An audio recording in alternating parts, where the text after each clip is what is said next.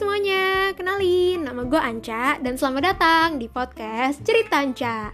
Nah, podcast ini sebenarnya gue bikin iseng banget untuk menggantikan apa ya curhatan gue yang biasanya tuh gue tulisnya di blog, tapi gue udah males banget nulis.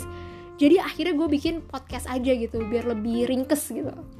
Tapi disclaimer gue bukan podcaster yang handle dengan segala macam alat yang proper. Ini semua seadanya karena gue juga bikinnya juga iseng sih gitu kan. Jadi maklum aja. Nah nantinya cerita Anca ini diisi dengan curhatan gue dan kegelisahan gue yang penting gak penting. Juga mungkin gue akan ngobrol dan membahas satu dua isu menarik dengan teman-teman gue. Dan ya masih banyak lah hal-hal yang random yang akan kita bahas di podcast ini. Nah teman-teman segitu aja intronya. Semoga kita bisa menjadi teman bercerita ya. Dadah